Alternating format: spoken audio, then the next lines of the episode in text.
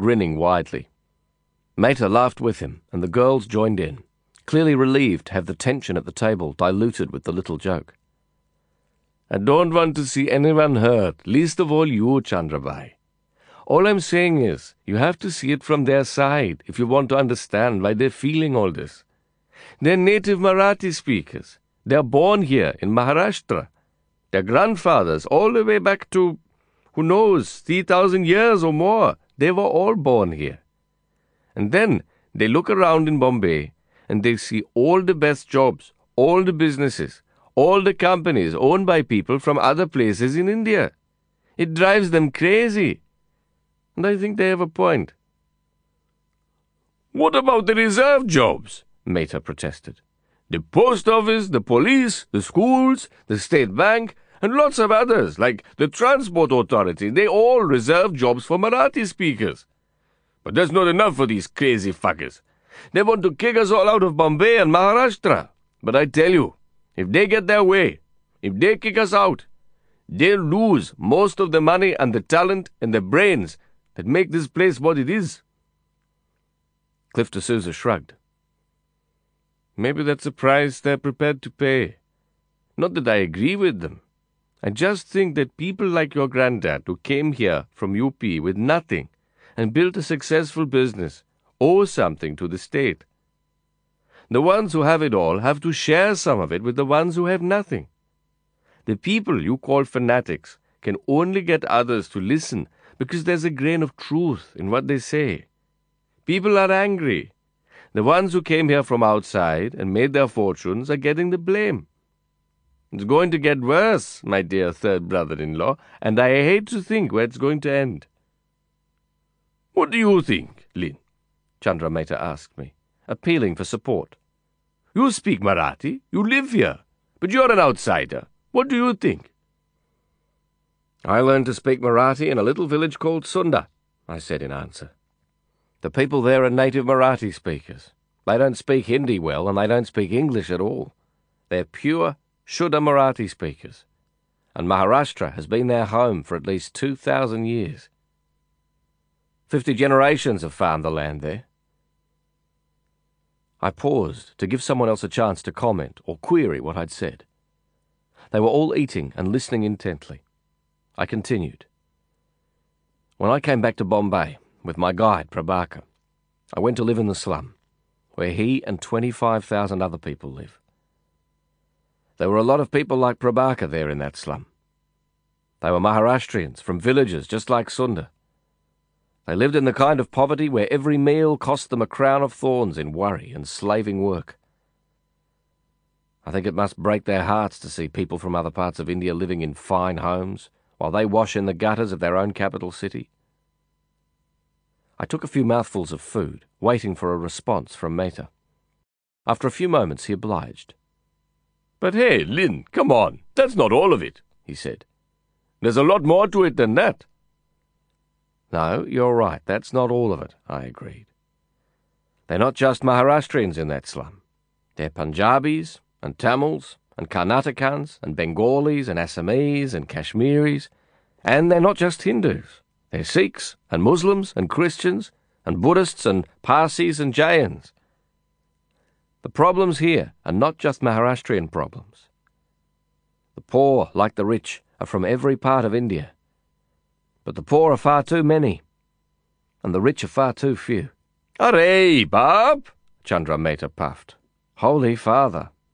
You sound like Cliff. He's a fucking communist. That's one of his raves, yeah? I'm not a communist or a capitalist, I said, smiling. I'm more of a leave me the hell alonist. Don't believe him, Lisa interjected. When you're in trouble, he's the right man to call. I looked at her. Our eyes held, just long enough to feel good and guilty at the same time. Fanaticism is the opposite of love, I said, recalling one of Khaderbhai's lectures. A wise man once told me, he's a Muslim, by the way, that he has more in common with a rational, reasonable minded Jew than he does with a fanatic from his own religion. He has more in common with a rational, reasonable minded Christian or Buddhist or Hindu than he does with a fanatic from his own religion. In fact, He has more in common with a rational, reasonable minded atheist than he does with a fanatic from his own religion. I agree with him, and I feel the same way. I also agree with Winston Churchill, who wants to find a fanatic as someone who won't change his mind and can't change the subject. And on that note, Lisa laughed, let's change the subject. Come on, Cliff. I'm relying on you to give me all the gossip about the romance on the set of Kanoon. What's really going on there? Yes, yes, Rita cried out excitedly. And all about the new girl. There's so much of scandal about her that I can't even say her name out loud, yeah? And everything, anything at all about Anil Kapoor. I just love him to pieces. And Sanjay Dutt, Geeta added, trembling dramatically at the mention of his name. Is it true that you actually went to his party in Versova? Oh my God! How I would love to be there! Tell us all about it. Encouraged by that febrile curiosity, Cliff D'Souza spun out yarns about the Bollywood stars, and Chandra Mehta added titillating ruffles of gossip throughout. It became clear during the lunch that Cliff had an eye for Rita, and Chandra Mehta directed much of his attention to Geeta. The long lunch was the beginning of a long day and night they'd planned to spend together. Warming to their themes, and with half their minds on the pleasures of the night to come, the movie men gradually shifted their gossip and anecdotes into the area of sex and sexual scandals. They were funny stories, sometimes straying into the bizarre. We were all laughing hard when Kavita Singh entered the restaurant. The laughter was still rippling through us as I introduced Kavita around the table. Excuse me, she said, with the kind of frown that climbs out of deep trouble and refuses to leave. I have to speak to you, Lin. You can talk about the case here, Kavita, I offered, still bright with the laughter of a minute before. They'll find it interesting. It's not about the case, she insisted firmly. It's about Abdullah Taheri. I stood at once and excused myself, nodding to Lisa that she should stay and wait for me to return. Kavita and I walked to the foyer of the restaurant. When we were alone, she spoke. Your friend Taheri is in deep shit. What do you mean? I mean that I heard a whisper from the crime staffer at the Times. He said that Abdullah is on a police hit list. Shoot on sight, he said. What? The cops' orders are to take him alive if they can, but to take no chances with him. They're sure he's armed, and they're sure he'll shoot if they try to arrest him. At the slightest hesitation from him, they're ordered to shoot him down like a dog. Why? What's it all about? They think he's this Sapna guy. They've had a solid tip off with solid evidence. They're sure it's him, and they're going to get him. Today. It might have happened already. You can't fuck with the cops in Bombay. Not with something this serious. I've been looking for you for two hours. Sapna? It doesn't make sense, I said. But it did make sense. It made perfect sense somehow, and I couldn't understand why. There were too many pieces missing, too many questions that I hadn't asked, and should have asked, long before. Sensible or not, it's now a reality, she said, her voice trembling in the shudder of a resigned and pitying shrug. I've been looking for you everywhere. Didier told me you were here. I know Taheri's a good friend of yours. Yeah, he's a friend, I said, suddenly remembering that I was talking to a journalist. I stared at the dark carpet and tried to find sense or direction in the sandstorm of my thoughts. Then I looked up and met her eyes. Thanks, Kavita. I really appreciate it. Thanks a lot. I'll have to go. Listen, she said, more softly. I filed the story. I phoned it in as soon as I heard it. If it makes the evening news, it might make the cops a little more careful.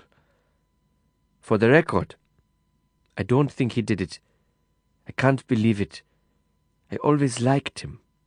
I had a little crush on him for a while, right after you brought him to Leopold's the first time. Maybe I've still got a crush on him, yeah?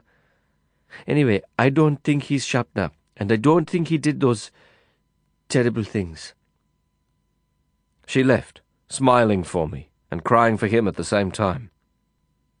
At the table, I apologized for breaking up the lunch and offered a vague excuse for leaving. Without asking her if she wanted to come, I pulled back Lisa's chair for her and lifted her handbag from the chair's high back. Oh, Lin, do you really have to go? Chandra complained. We haven't even talked about the casting agency deal. Do you really know Abdullah Taheri? Cliff asked, the faintest hint of accusation in his curiosity. I glared at him. Yes. And you're taking the lovely Lisa with you, Chandra pouted. That's a double disappointment. I've heard so much about him, yeah? Cliff persisted. How did you meet him? He saved my life, Cliff, I said, a little more harshly than I'd intended. The first time I met him, he saved my life, at the hash den run by the Standing Babas. I held open the door of the brasserie for Lisa and looked back at the table. Cliff and Chandra had their heads close together, their whispers excluding the bewildered girls. On the bike, outside the hotel, I told Lisa everything that I knew. Her healthy tan faded suddenly, and her face was pale, but she pulled herself together quickly. She agreed with me that a trip to Leopold's was logical, as the first step. Abdullah might be there, or he might have left a message with someone. She was afraid, and I felt that fear twisting in the muscles of her arms as she clung to my back. We hurtled through the ponderously slow traffic, riding on luck and instinct, just as Abdullah might have done. At Leopold's, we found Didier drinking himself into the liquid abyss. It's over, he slurred, pouring himself another whiskey from a large bottle. It's all over. They shot him dead almost an hour ago. Everyone is talking about it. The mosques in Dongri are calling their prayers for the dead. How do you know? I demanded. Who told you? The prayers for the dead, he mumbled, his head lolling forward. What a ridiculous and redundant phrase. There are no other kinds of prayers. Every prayer is a prayer for the dead. I grabbed the front of his shirt and shook him. The waiters, who all liked Didier as much as I did, watched me and calculated how far they would let me go. Didier, listen to me. How do you know? Who told you about it? Where did it happen? The police were here, he said, suddenly lucid. His pale blue eyes looked into mine as if he was looking for something at the bottom of a pond. They were boasting about it to Mehmet, one of the owners. You know Mehmet? He's also Iranian, like Abdullah. Some of the police from the Colaba station across the road were in the ambush. They said that he was surrounded in a little street near Crawford Market. They called on him to surrender himself to them. They said he stood perfectly still. They said his long hair was streaming behind him in the wind, and his black clothes. They talked about that for quite some time. It is strange, don't you think, Lin? that they were talking about his clothes and his hair. What does it mean? Then they. They said he took two guns from his jacket and began to shoot at them. They all returned the fire at once. He was shot so many times that his body was mutilated, they said. It was torn apart by the fusillade. Lisa began to cry. She sat down next to Didier, and he wrapped an arm around her in the automatism of grief and shock. He didn't look at her or acknowledge her. He patted at her shoulder and rocked from side to side. But his sorrow-struck expression would have been the same if we were alone and wrapping his arms about himself.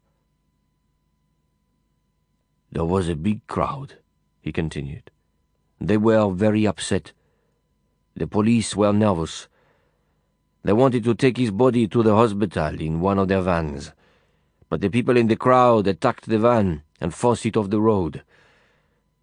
The police took the body to the Crawford Market police station. The crowd followed them there, shouting and screaming abuse. They are still there, I think.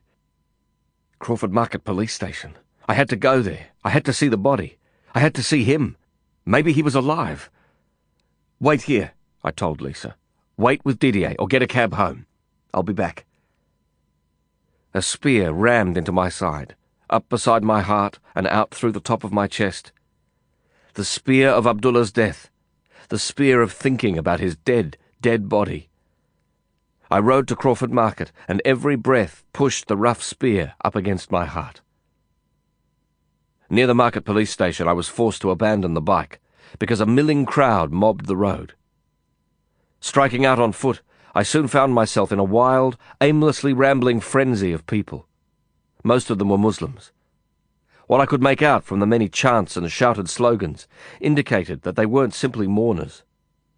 Abdullah's death had touched off a prairie fire of discontent and long nursed grievances in the neglected acres of the poor around the market area. Men were shouting a confusing collection of complaints and clamouring for their own causes. I could hear prayers ringing out from several places. Inside the legions of screaming men, it was chaos, and every step toward the police station was one with a wrestling, shoving effort of force and will. Men came in waves that swept me sideways, and then forward and then back. They pushed and punched and kicked out with their legs. More than once I almost went under those trampling feet, reaching out at the last moment to save myself by grappling my fingers into a shirt or a beard or a shawl. I finally caught sight of the police station and the police. Wearing helmets and carrying shields, they were three or four deep across the whole width of the building.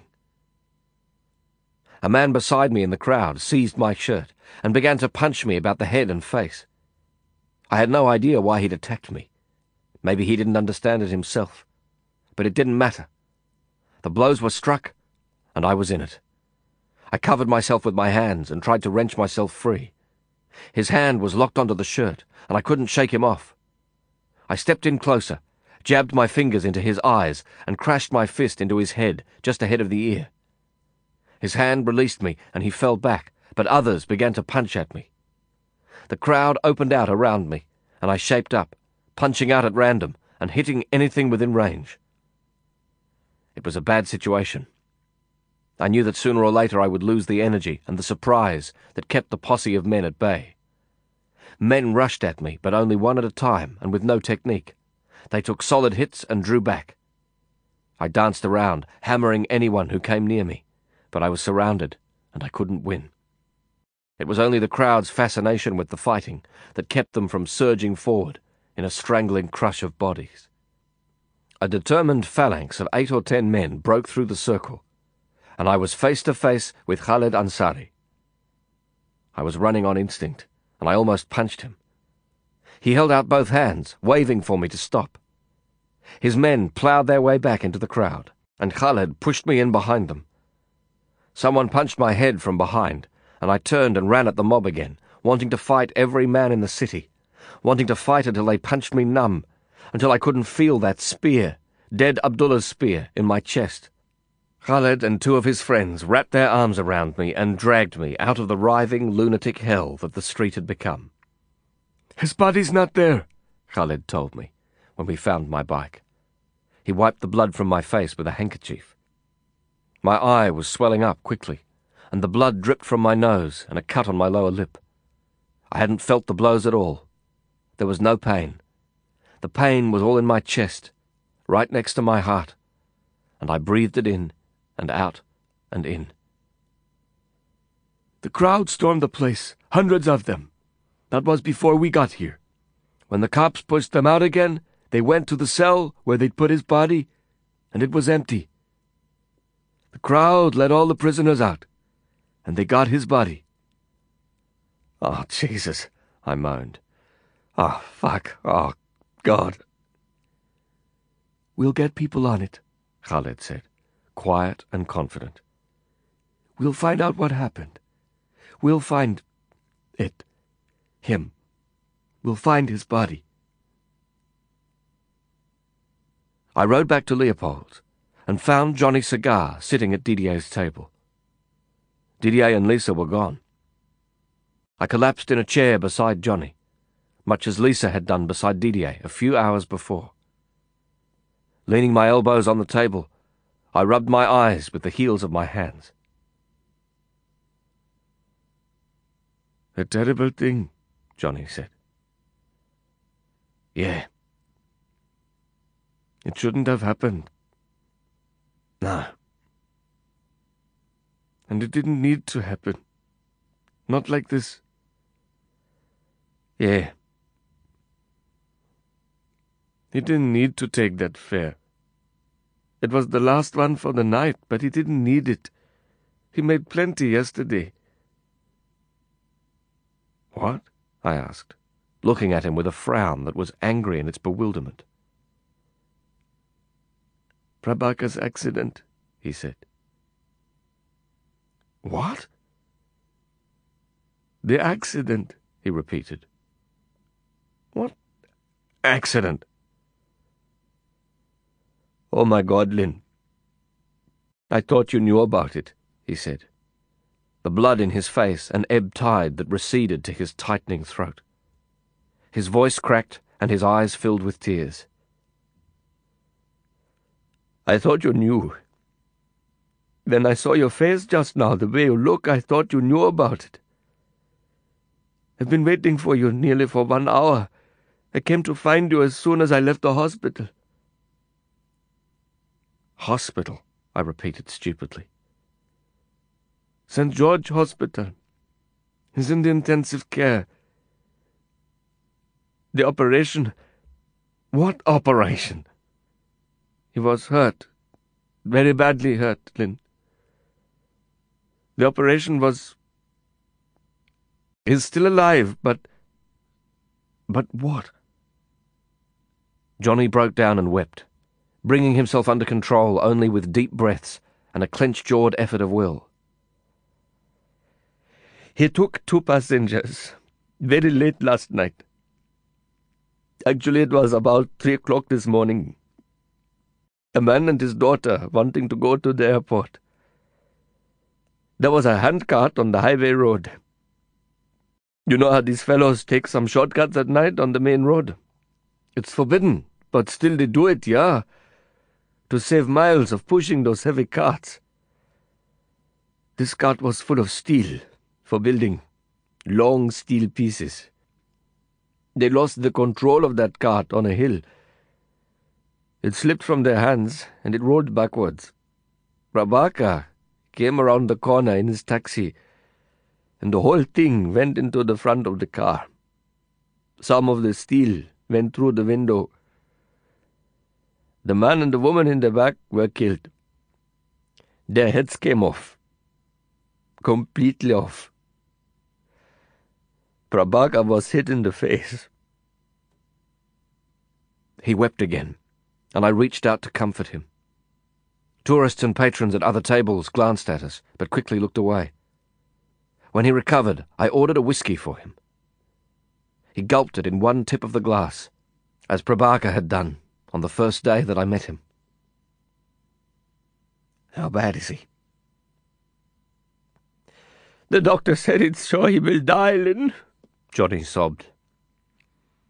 His jaw is gone. The steel took it away completely. Everything is gone. All his teeth.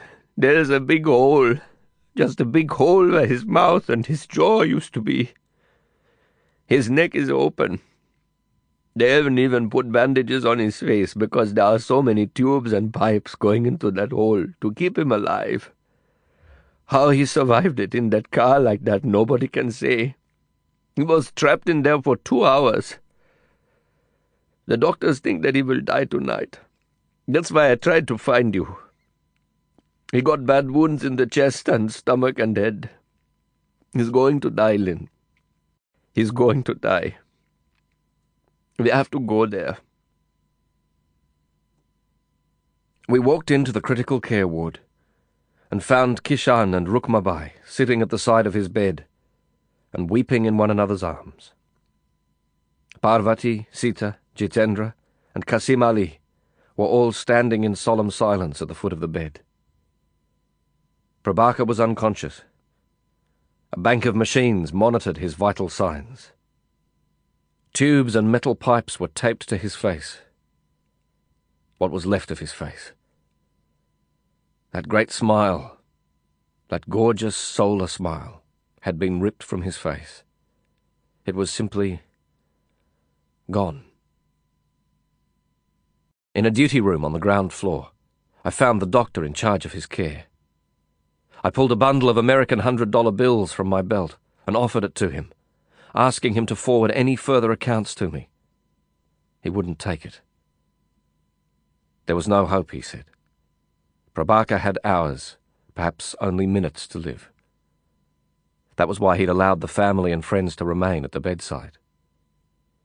There was nothing to do, he said, but wait with him and watch him die. I returned to Prabaker's room and gave Parvati the money, together with everything I'd earned on my most recent courier run. I found a toilet in the hospital and then washed my face and neck. The cuts and wounds on my face filled my aching head with thoughts of Abdullah. I couldn't bear to think those thoughts. I couldn't hold the image of my wild Iranian friend, surrounded by cops and shooting it out until his body was torn and bloodied. I stared into the mirror, feeling the acid burn of tears.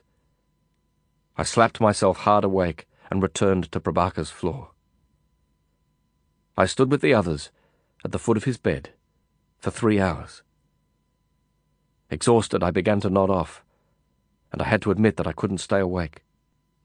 In a relatively quiet corner, I put two chairs against the wall and went to sleep. A dream swallowed me whole almost at once. It carried me to Sunder. I was floating on the murmuring tide of voices on that first night in the village, when Prabaker's father put his hand on my shoulder, and I clenched my teeth against the stars. When I woke from the dream, Kishan was sitting there beside me, with his hand on my shoulder. And when I met his eyes, we both sobbed helplessly. In the end, when it was sure that Prabaker would die, and we all knew it, and we all accepted the fact that he had to die, we went through four days and nights of watching his brave little body suffer, what was left of him. The almost Prabaker with the amputated smile. In the end, after days and nights of watching him suffer that pain and bewilderment, I began to hope that he would die, and to wish for it with all my heart. I loved him so much that in the end I found an empty corner in a cleaner's room, where a tap dripped constantly into a concrete trough, and I fell to my knees on a place marked by two wet footprints and I begged God to let him die. And then he did die. In the hut he'd once shared with Parvati, Prabaker's mother, Rukmabai, unfurled her thigh-length hair. She was sitting in the doorway with her back to the world. Her black hair was night's waterfall. She cut across thickly, close to her head, with sharp shears and the long hair fell like a shadow dying. At first, when we truly love someone, our greatest fear is that the loved one will stop loving us. What we should fear and dread, of course, is that we won't stop loving them, even after they're dead and gone. For I still love you with the whole of my heart, Prabaker. I still love you. And sometimes, my friend, the love that I have and can't give to you crushes the breath from my chest. Sometimes, even now, my heart is drowning in a sorrow that has no stars without you, and no laughter, and no sleep. Chapter 30 Heroin is a sensory deprivation tank for the soul. Floating on the dead sea of the drug stone, there's no sense of pain, no regret or shame, No feelings of guilt or grief, no depression, and no desire. The sleeping universe enters and envelops every atom of existence. Insensible stillness and peace disperse fear and suffering. Thoughts drift like ocean weeds and vanish in the distant grey somnolency, unperceived and indeterminable. The body succumbs to cryogenic slumber. The listless heart beats faintly, and breathing slowly fades to random whispers. Thick nirvanic numbness clogs the limbs, and downward, deeper, the sleeper slides and glides toward oblivion, the perfect and eternal stone. That chemical absolution is paid for, like everything else in the universe, with light.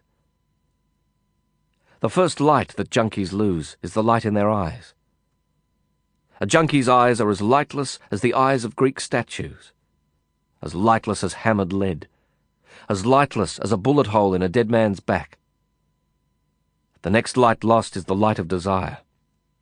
Junkies kill desire with the same weapon they use on hope and dream and honour the club made from their craving. And when all the other lights of life are gone, the last light lost is the light of love. Sooner or later, when it's down to the last hit, the junkie will give up the woman he loves, rather than go without. Sooner or later, every hard junkie becomes a devil in exile. I levitated. I floated upraised on the supernatant liquid of the smack in the spoon, and the spoon was as big as a room. The raft of opiate paralysis drifted across the little lake in the spoon, and the rafters intersecting over my head seemed to hold an answer, some kind of answer, in their symmetry. I stared at the rafters, knowing that the answer was there and that it might save me and then I closed my eyes of hammered lead again, and lost it. And sometimes I woke. Sometimes I was wide awake enough to want more of the deadening drug. Sometimes I was awake enough to remember it all. There'd been no funeral for Abdullah, because there was no body for them, for us, to bury. His body had disappeared during the brawling riot, just as Maurizio's body had disappeared as completely as a flared, exhausted star. I joined the others to carry Prabaker's body to the Ghat, the burning place. I ran with them through the streets. I ran with them beneath the garlanded burden of his little body, chanting names of God, and then I watched his body burn. Grief roamed the lanes of the slum afterward and I couldn't remain there with the gathering of friends and family who mourned him. They stood near the spot where Prabaker had been married only weeks before. Tattered streamers from the wedding still dangled from the roofs of some of the huts. I spoke to Kasim Ali, Johnny, Jitendra, and Kishan Mango. But then I left them and rode to Dongri. I had questions for Lord Abdel Khader Khan, questions that crawled inside me like the things in Hassan Obikwa's pit. The house near the Nabila Mosque was closed, locked up with heavy padlocks and utterly silent.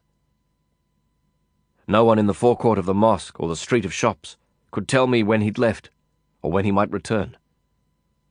Frustrated and angry, I rode to see Abdul Ghani. His house was open, but his servants told me that he was out of the city on a holiday and wasn't expected home again for weeks.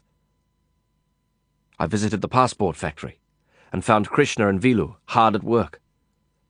They confirmed that Ghani had left them instructions and sufficient funds for several weeks of work, and had told them that he was taking a holiday. When I rode to Khaled Ansari's apartment, I met a watchman on duty, who told me that Khaled was in Pakistan. He had no idea when the Dua Palestinian would return. The other members of Khader's Mafia Council were just as suddenly and conveniently absent. Farid was in Dubai. General Shoban Mahmud was in Kashmir. No one answered my knock at Keki Dorabji's house. and every window was darkened with a drawn shade. Rajubhai, who'd never been known to miss a day at his counting house in the fort, was visiting a sick relative in Delhi. Even the second level bosses and lieutenants were out of town or simply unavailable. Those who remained, the gold agents and currency couriers and passport contacts all over the city, were polite and friendly. Work for them seemed to continue at the same pace and with the same routines. My own work was just as secure.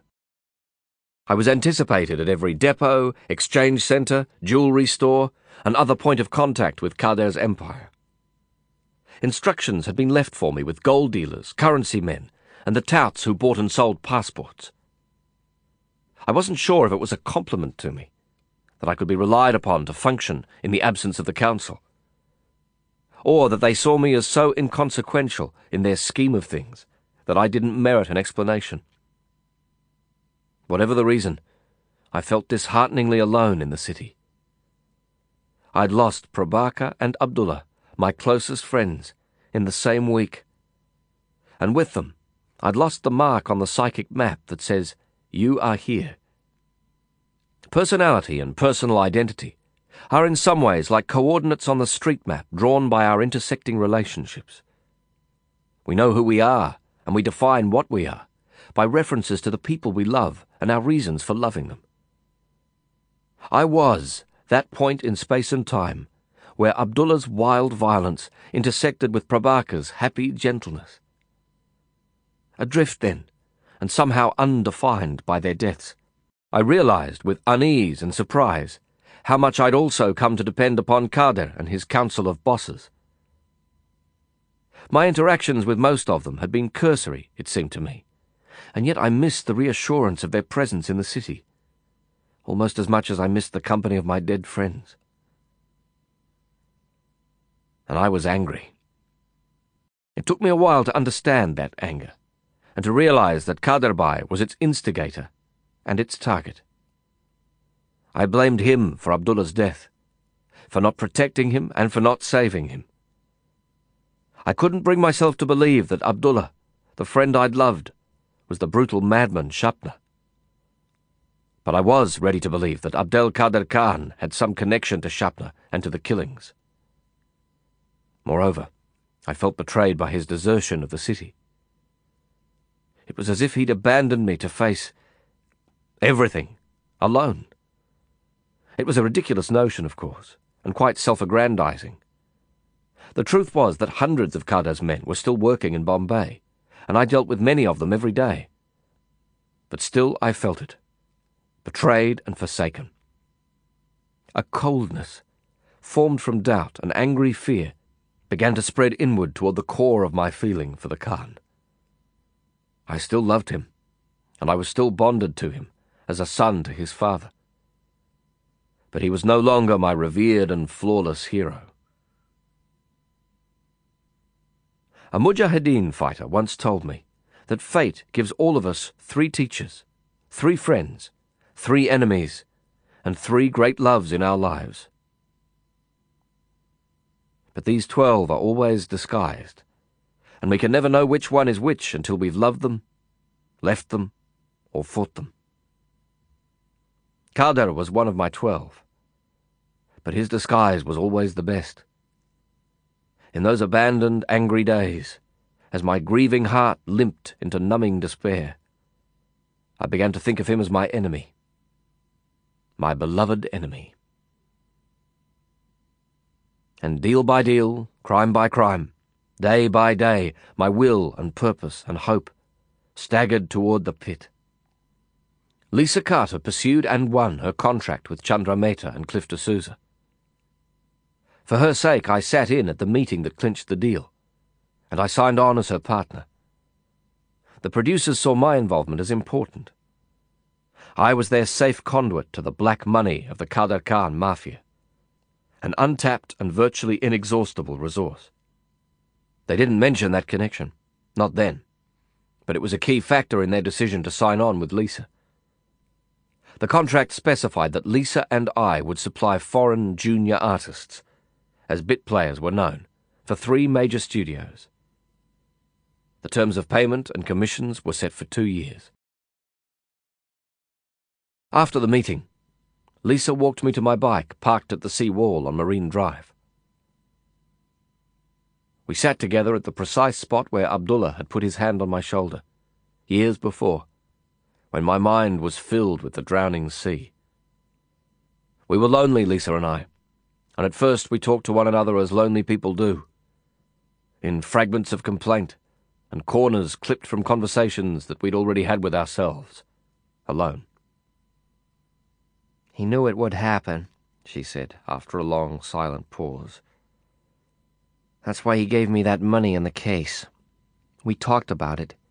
He talked about it. He talked about being killed.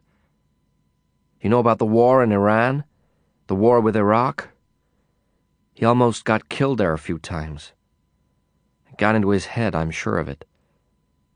I think he wanted to die, for running away from the war and leaving his friends and family behind.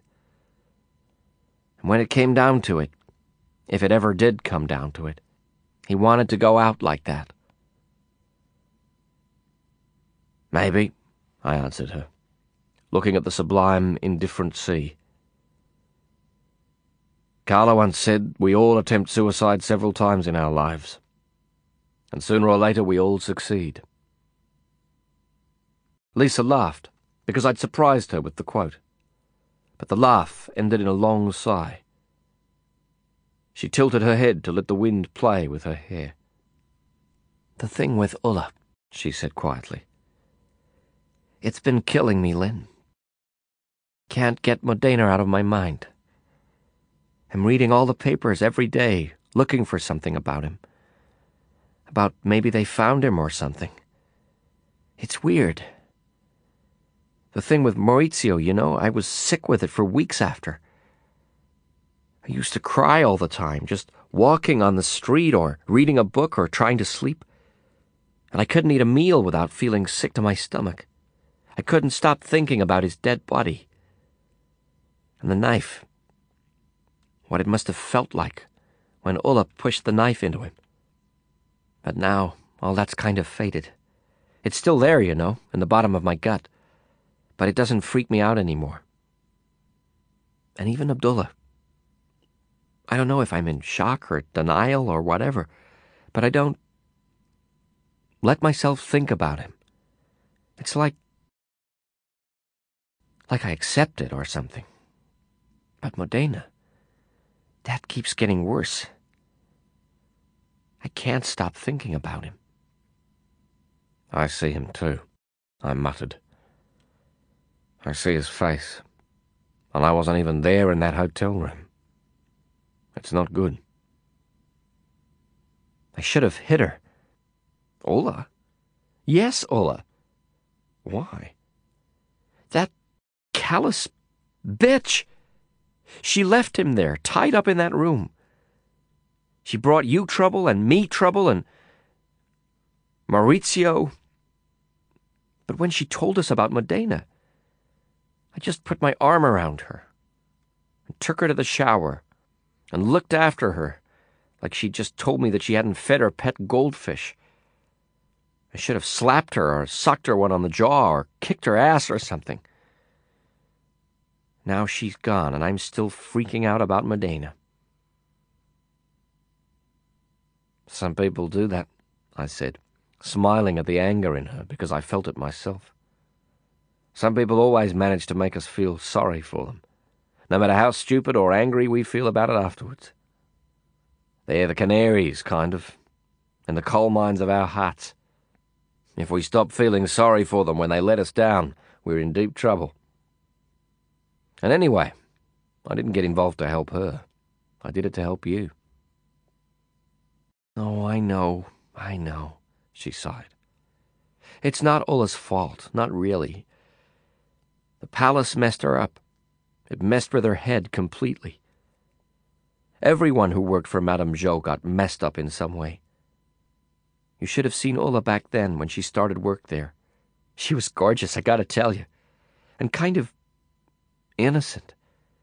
In a way that the rest of us weren't, if you know what I mean. I went there already crazy when I first started work there. But it fucked me up too. We all. We had to. We did some weird shit there. You told me about it, I said gently. I told you? Yeah. I told you what? You told me a lot of it. The night I came around to get my clothes from Carla's. I went there with the kid, Tariq. You were very drunk and very stoned. And I told you about that? Yeah. Jesus, I don't remember that. I was starting to turkey. That was the first night when I tried to get off the stuff. When I did get off the stuff. I remember the kid, though. And I remember you didn't want to have sex with me. Oh, I wanted it all right. She turned her head quickly and met my eye. Her expression smiled at the lips, but a tiny frown creased her forehead. She was wearing a red salwar kameez. The long, loose silk shirt clung to her breast and the outline of her figure in the strong sea breeze.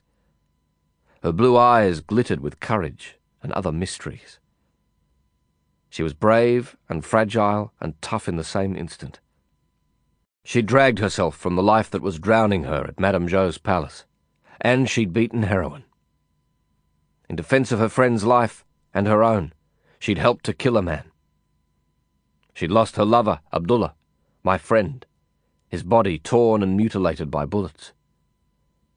And it was all there, in her eyes and her thin face, thinner than it should have been. It was all there if you knew what to look for, and if you knew where to look. So, how did you end up at the palace? I asked, and she flinched a little as I changed the subject. I don't know, she sighed. I ran away from home when I was a kid. I couldn't stand it at home. I got out of there as soon as I could. In a couple years, I was a teenage junkie, working the beat in L.A., and getting beat up by that month's pimp. Then a guy came along, a nice, quiet, lonely, gentle guy, named Matt. I fell for him hard. He was my first real love. He was a musician, and he'd been to India a couple of times. He was sure we could make enough money for a new start if we smuggled some shit from Bombay back home. He said that he'd pay for the tickets if I agreed to carry the stuff. When we got here, he just took off with everything all our money, and my passport, and everything. I don't know what happened. I don't know if he got cold feet, or found someone else to do the job, or just decided to do it himself. I don't know. The end of it was that I got stuck in Bombay with a big raging heroin habit and no money and no passport. I started working from a hotel room, turning tricks to keep going. After a couple months of that, a cop came into my room one day and told me I was busted. I was going to an Indian jail. Unless I agreed to work for this friend of his. Madame Zhou. Yeah. Tell me, did you ever see her? Did you ever talk to her in person? Nah. Almost no one ever talks to her or sees her except for Rajan and his brother. Carla met her in person. Carla hates her.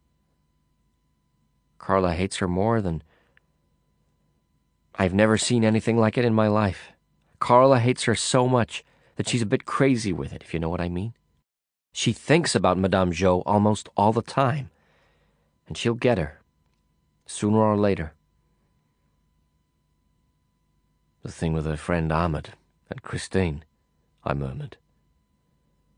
She thinks Madame Zhou had them killed, and she blames herself for it. She can't let it go. That's right, she answered wonderingly, her face frowning and smiling in puzzlement. Did she tell you about that? Yeah. That's. She laughed. That's amazing. Carla never talks to anyone about that. I mean, anyone. But I guess it's not really so amazing. You really got under her skin. You know that time when the cholera was in the slum and all? She talked about that for weeks after. She talked about it like it was some kind of holy experience, some kind of transcendental high. And she talked about you a lot. I've never seen her so inspired, I guess.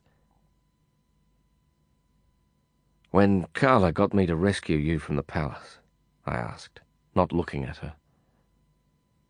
Was that for you? Or was it just a way to score points against Madame Zhou? You mean were we just pawns in Carla's game, you and me? Is that what you're asking? Something like that. I think I'd have to say yes, we were. She pulled her long scarf from her neck and drew it across an open palm, staring at it intently. Oh, you know, Carla likes me and all. I'm sure about that. She's told me things that nobody knows, not even you. And I like her. And she lived in the States, you know? She grew up there. And she felt something about that. I think I was the only American girl who ever worked at the palace. But the heart of it, deep down, was this war with Madame Zhou. I think we got used up, you and me. But it doesn't matter, you know? She got me out of there. You got me out of there. With her. And I'm damn glad. Whatever her reasons were, I don't hold it against her. And I don't think you should either. I don't, I sighed. But? But. nothing.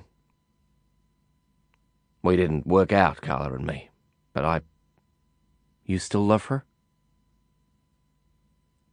I turned my head to look at her, but when her blue eyes met mine, I changed the subject.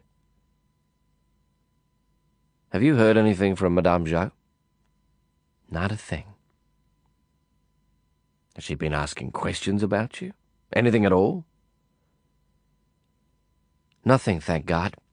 It's weird. I don't hate Madame Zhou. I don't feel anything for her, one way or the other. Except that I never want to go anywhere near her again. But I do hate her servant, Rajan. If you worked at the palace, he's the one you had to deal with and answer to. His brother takes care of the kitchen, but Rajan looks after the girls. And that's one spooky motherfucker, that Rajan. He gets around like a ghost. It's like he's got eyes in the back of his head. He's the scariest thing in the whole world, let me tell you. Madame Zhou I never even saw. She talks to you through a metal grill. There's at least one in every room so she can watch what's going on and talk to the girls or the customers. It's a fucking creepy place, Lin. I'd rather die than go back to that. There was another silence. Waves pushed at the shoreline of rocks and pebbles at the base of the wall. Seagulls hovered, prowling the wind for signs of things that slithered and scuttled among the rocks. How much money did he leave you? I'm not sure, she said. I never counted it. It's a lot. Seventy, eighty grand. A lot more, you know, than Maurizio carved up Modena for and got himself killed for. It's crazy, isn't it? You should take it and get the fuck out of here. That's funny. I thought we just signed a two-year contract with Mehta and his production company. You know, the Let's Get On With Our Lives contract? Fuck the contract. Come on, Lin. Fuck the contract. You've got to get out of this. We don't know what the fuck's going on. We don't know why Abdullah's dead. We don't know what he did do or what he didn't do. If he wasn't Sapna, then things are bad. If he was Sapna, things are much worse. You should take the money and just go. And go where? Anywhere. Are you going? No, I've got unfinished business here.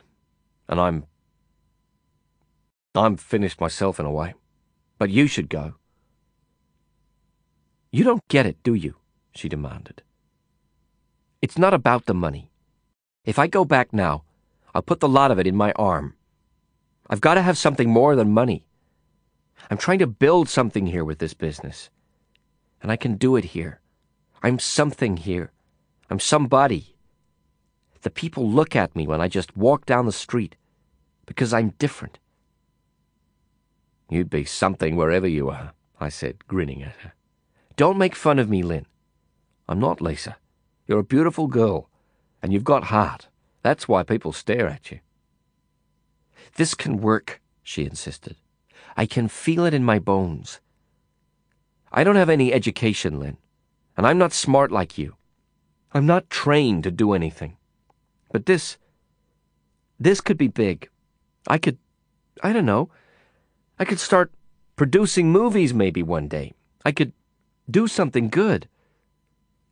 You are good. You'll do good wherever you go. No. This is my chance. I'm not going back. I'm not going anywhere until I've made it. If I don't do that, if I don't try, then the whole thing will be for nothing. Maurizio and everything else that's happened will be for nothing. If I leave here, I want to do it with my head on straight and a pocket full of money that I earned myself. I looked into the wind, feeling the day alternately warm and cool and warm again on my face and arms, as the breeze turned and returned across the bay. A small fleet of fishing canoes drifted past us on their way back to the fishermen's sandy refuge near the slum. I suddenly remembered the day and the rain, sailing in a canoe across the flooded forecourt of the Taj Mahal Hotel, and beneath the booming resonant dome of the Gateway Monument. I remembered Vinod's love song, and the rain that night, as Carla came into my arms. And staring, then, at the ceaseless, eternal waves. I remembered all that had been lost since that storming night. Prison, torture, Carla gone, Ulla gone, Khaderbhai and his council gone, Anand gone, Maurizio dead, Modena probably dead, Rashid dead, Abdullah dead, and Prabaker. It was impossible. Prabaker also dead. And I was one of them. Walking and talking and staring at the wilding waves, but as dead in my heart as all the rest.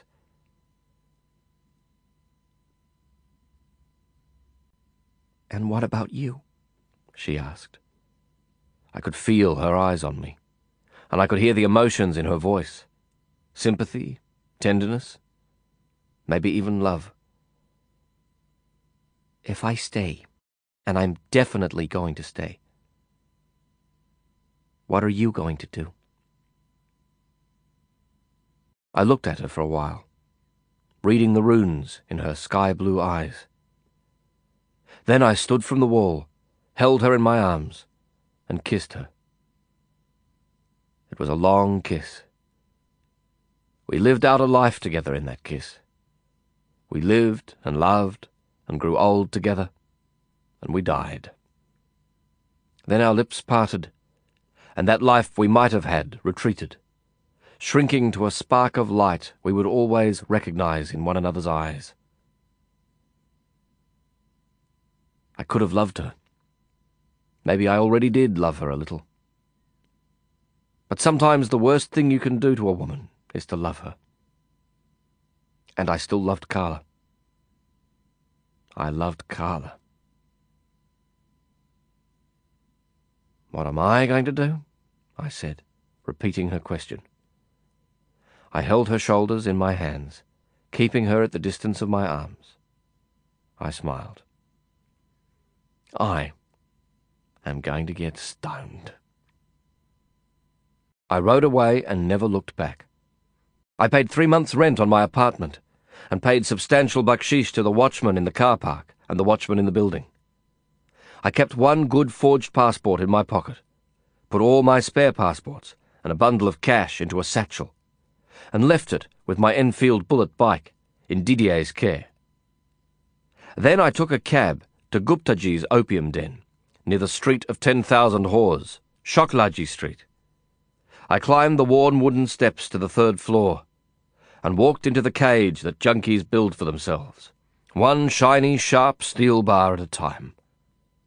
Guptaji provided a large room with twenty sleeping mats and wooden pillows for his opium smokers.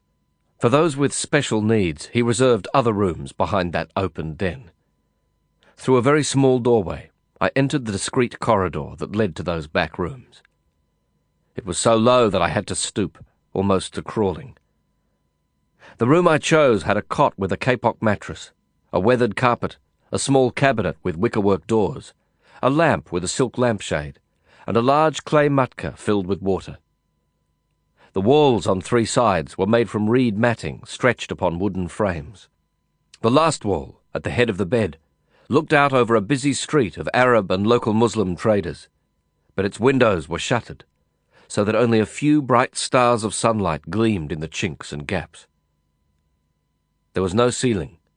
Instead, the view overhead was of heavy rafters crossing and joining one another in support of the clay tile roof.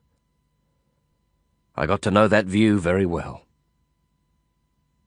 Guptaji took money and instructions and left me alone. The room, so close to the roof, was very hot. I took my shirt off and switched off the lamp. The dark little room was like a cell, a prison cell at night. I sat on the bed, and almost at once the tears came. I'd cried before in Bombay. I'd shed tears after I met Ranjit's lepers, and when the stranger had washed my tortured body in Arthur Road prison, and with Prabaker's father at the hospital. But that sorrow and suffering had always been stifled. Somehow I'd managed to choke back the worst of it, the flood of it. Then, alone in that little opium cell, with my ruined love for those dead friends, Abdullah and Prabaker, I let it go. The tears, when they come to some men, are worse than beatings. They're wounded worse by sobbing, men like that, than they are by boots and battens. Tears begin in the heart, but some of us deny the heart so often, and for so long, that when it speaks, we hear not one but a hundred sorrows in the heartbreak. We know that crying is a good and natural thing. We know that crying isn't a weakness but a kind of strength. Still, the weeping rips us root by tangled root from the earth, and we crash like fallen trees when we cry. Guptaji gave me time. When at last I heard the sliding, scuffing sound of his chappals as he approached the door, I smeared the sorrow from my face and switched on the lamp. He'd brought what I'd asked for. A steel spoon, distilled water, disposable syringes, heroin, and a carton of cigarettes, and he set the items out on the little dresser. There was a girl with him. He told me that her name was Shilpa, and that he'd assigned her to me as a servant. She was young, years less than twenty, but already scarred with the glum expression of the working professional. Hope, ready to snarl or grovel like a beaten cur, cowered in her eyes. I sent her and Guptaji away, and cooked up a taste of heroin. The dose sat in the syringe for almost an hour. I picked it up and put the needle against a fat, strong, healthy vein in my arm five times, only to put it down again unused.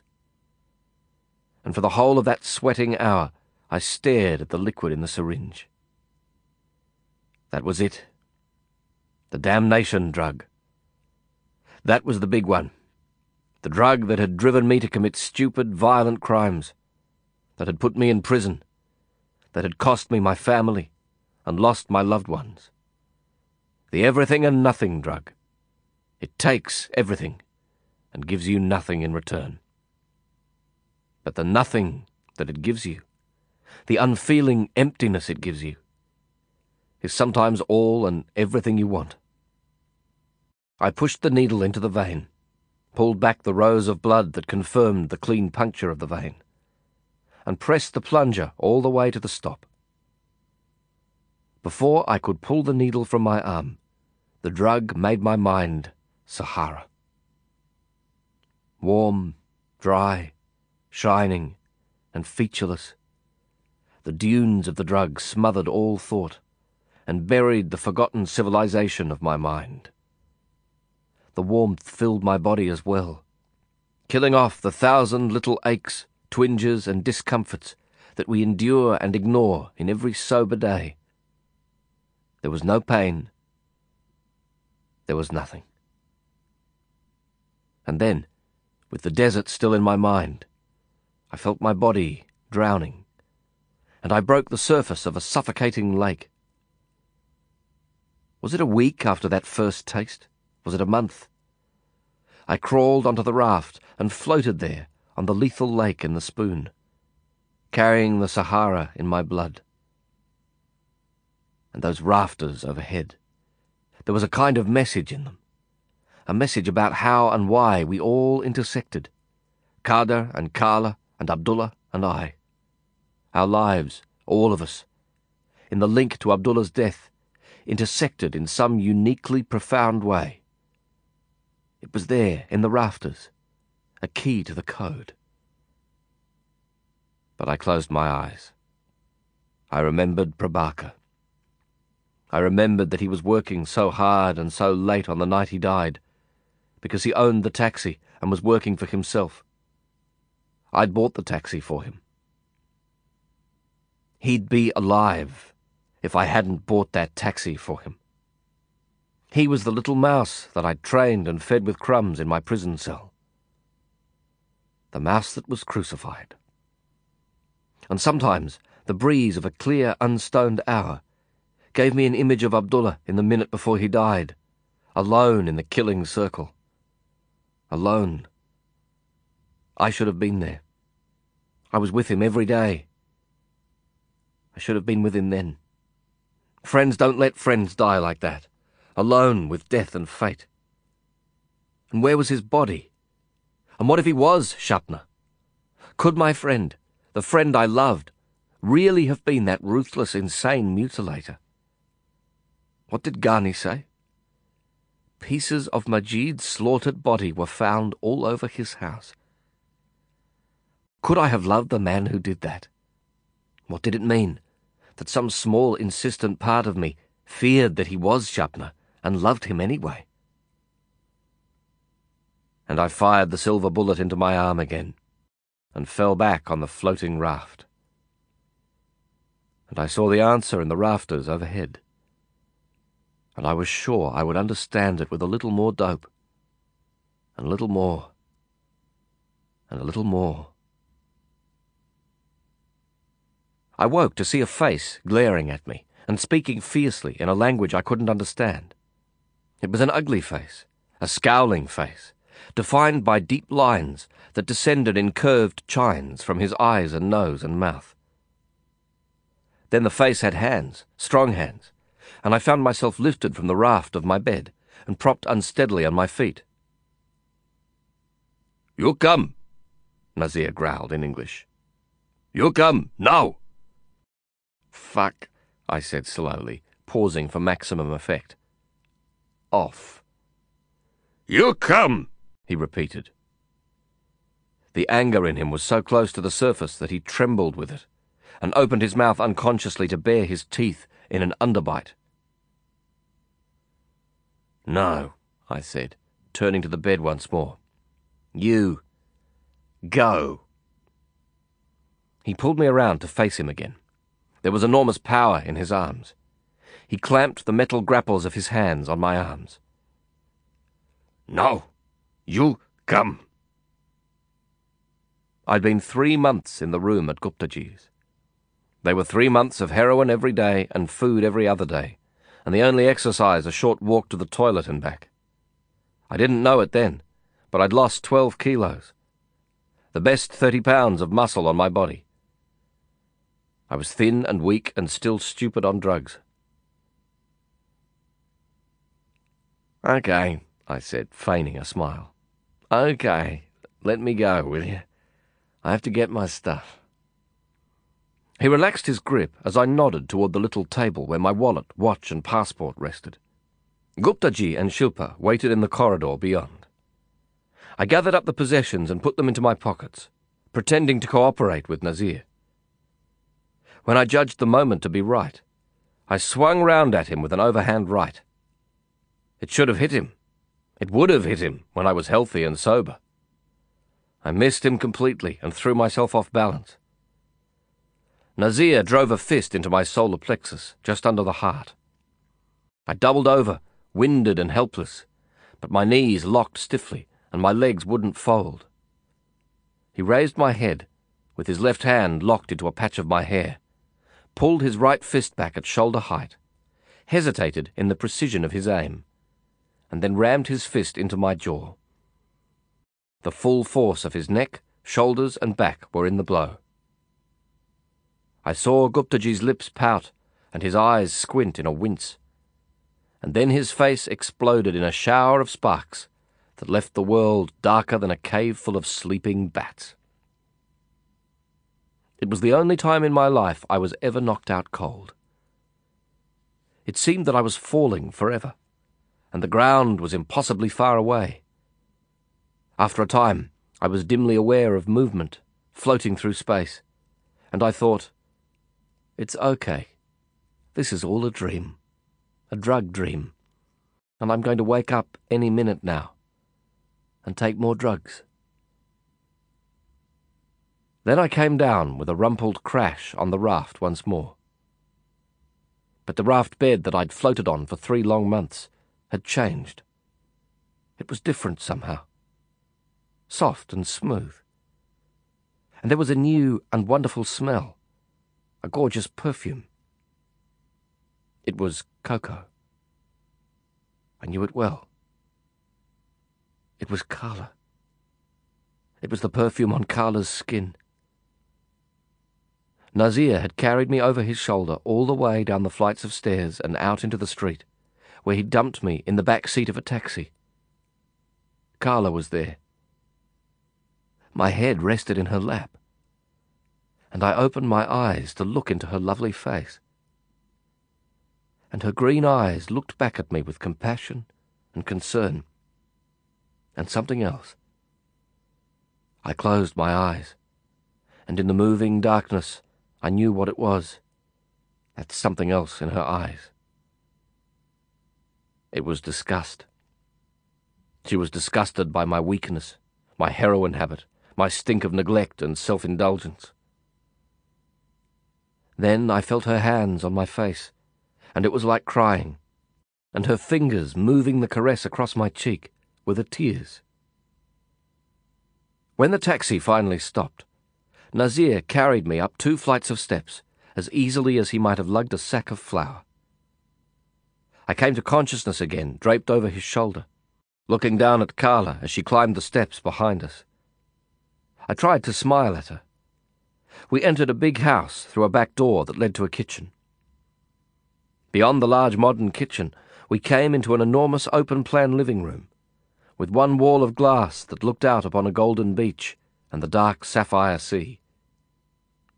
Flipping me over his shoulder, Nazir lowered me with more gentleness than I'd expected to a pile of cushions near the glass feature wall.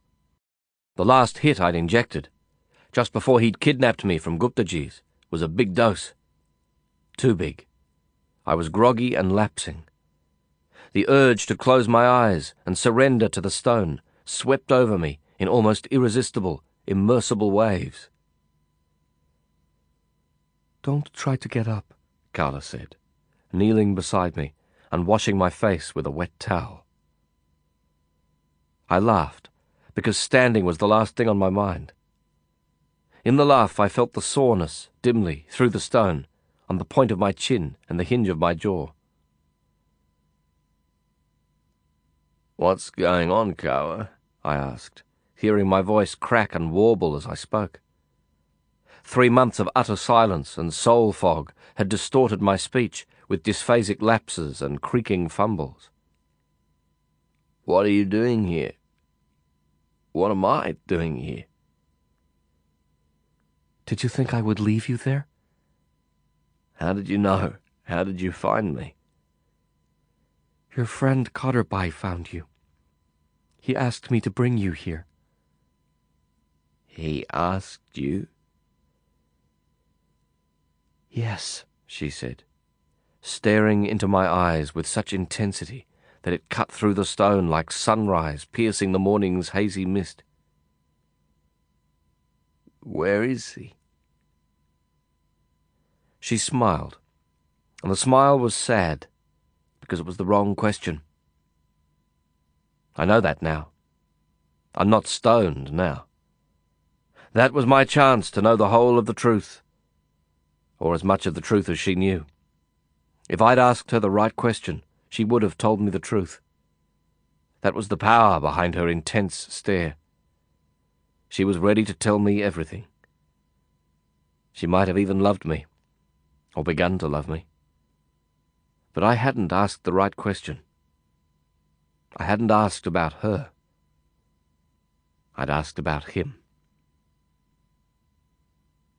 I don't know, she answered, raising herself with her hands to stand beside me. He was supposed to be here. I think he'll be here soon. I can't wait, though. I have to go. What? I sat up and tried to push the stone curtains aside in order to see her, to speak to her, to keep her with me. I have to go, she repeated, walking briskly to the door. Nazir waited for her there, his thick arms jutting out from the swollen trunk of his body. I can't help it. I've got a lot of things to do before I leave. Leave? What do you mean, leave? I'm leaving Bombay again. I've got some work. It's important and I. Well, I have to do it. I'll be back in about six or eight weeks. I'll see you then, maybe. But this is crazy. I don't get it. You should have left me there if you're only going to leave me now. Look, she said, smiling patiently. I just got back yesterday, and I'm trying not to stay.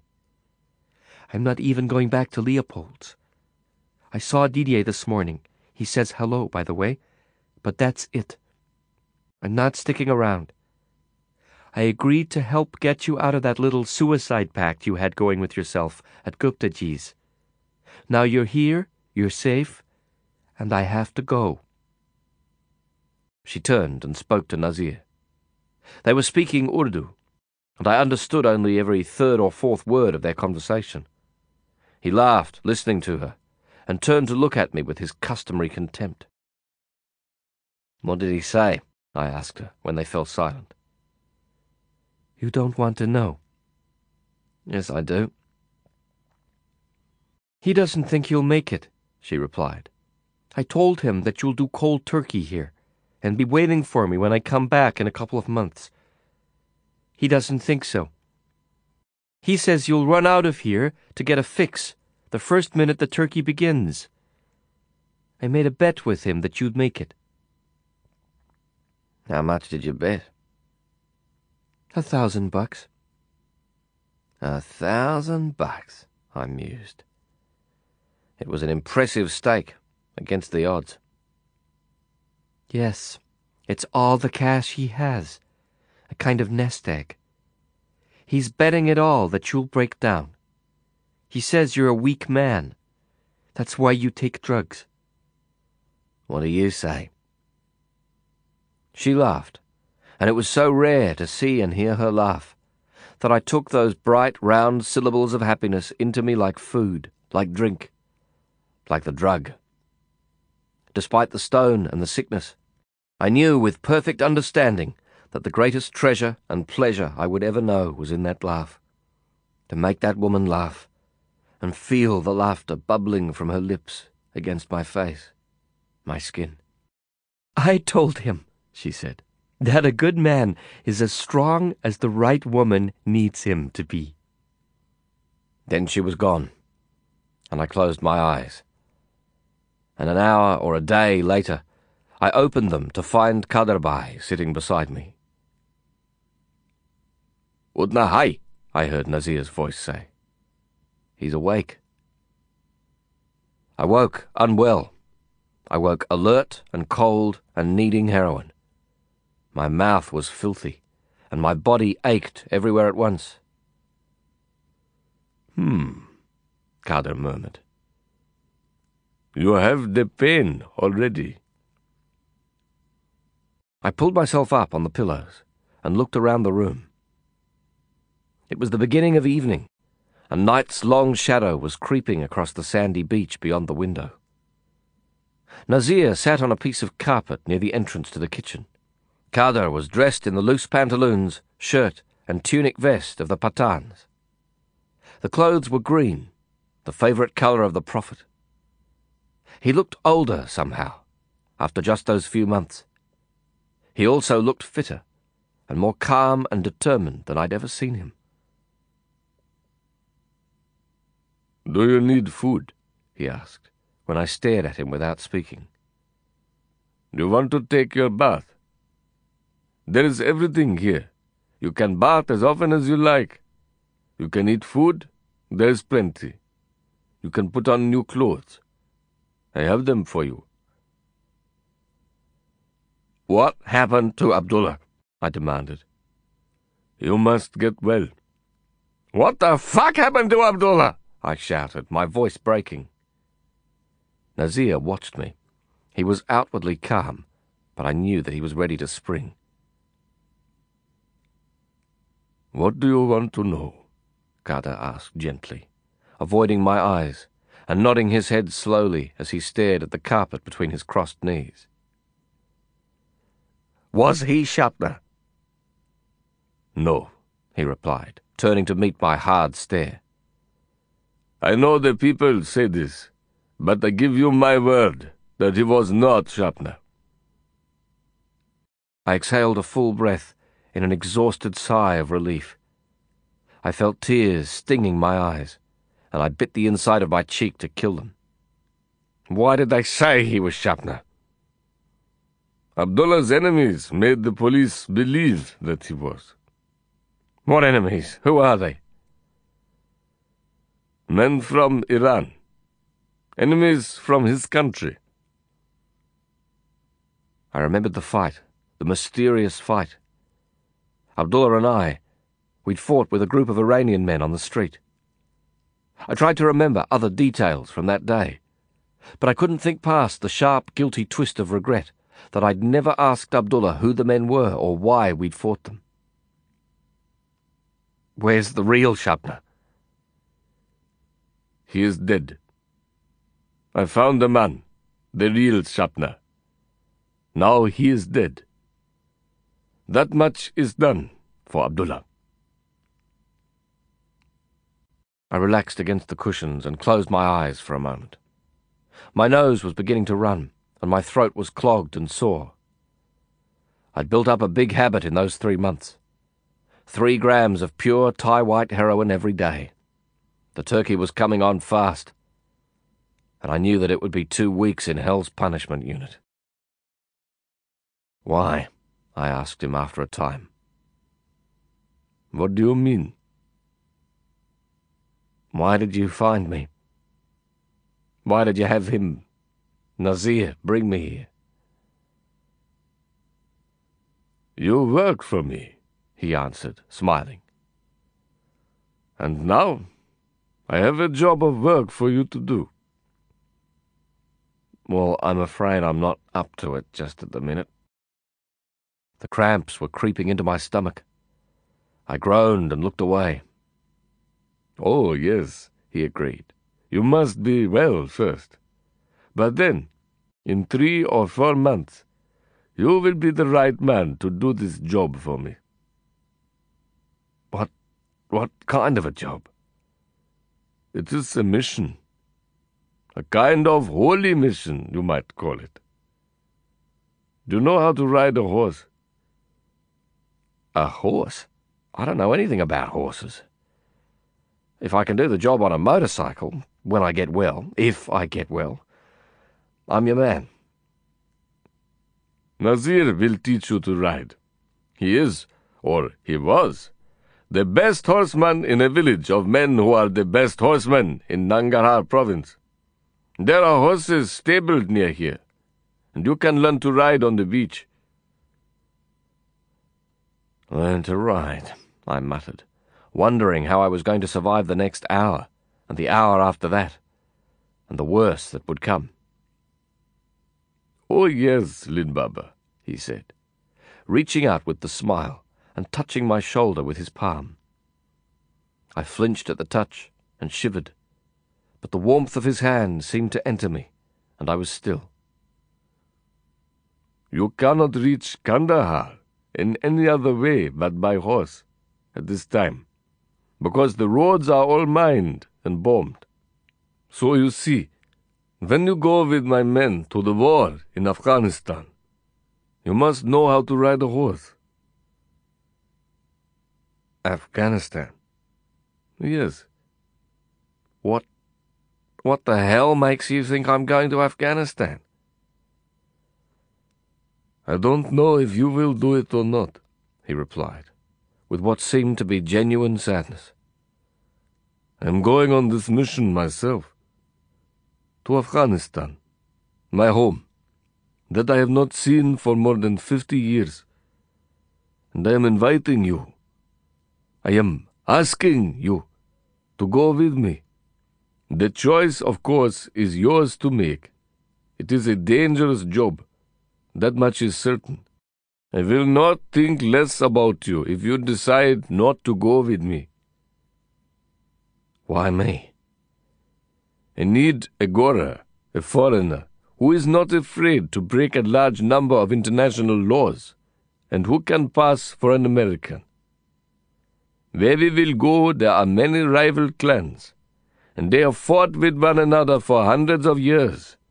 They have long traditions of raiding one another and taking whatever they can as plunder on their raids.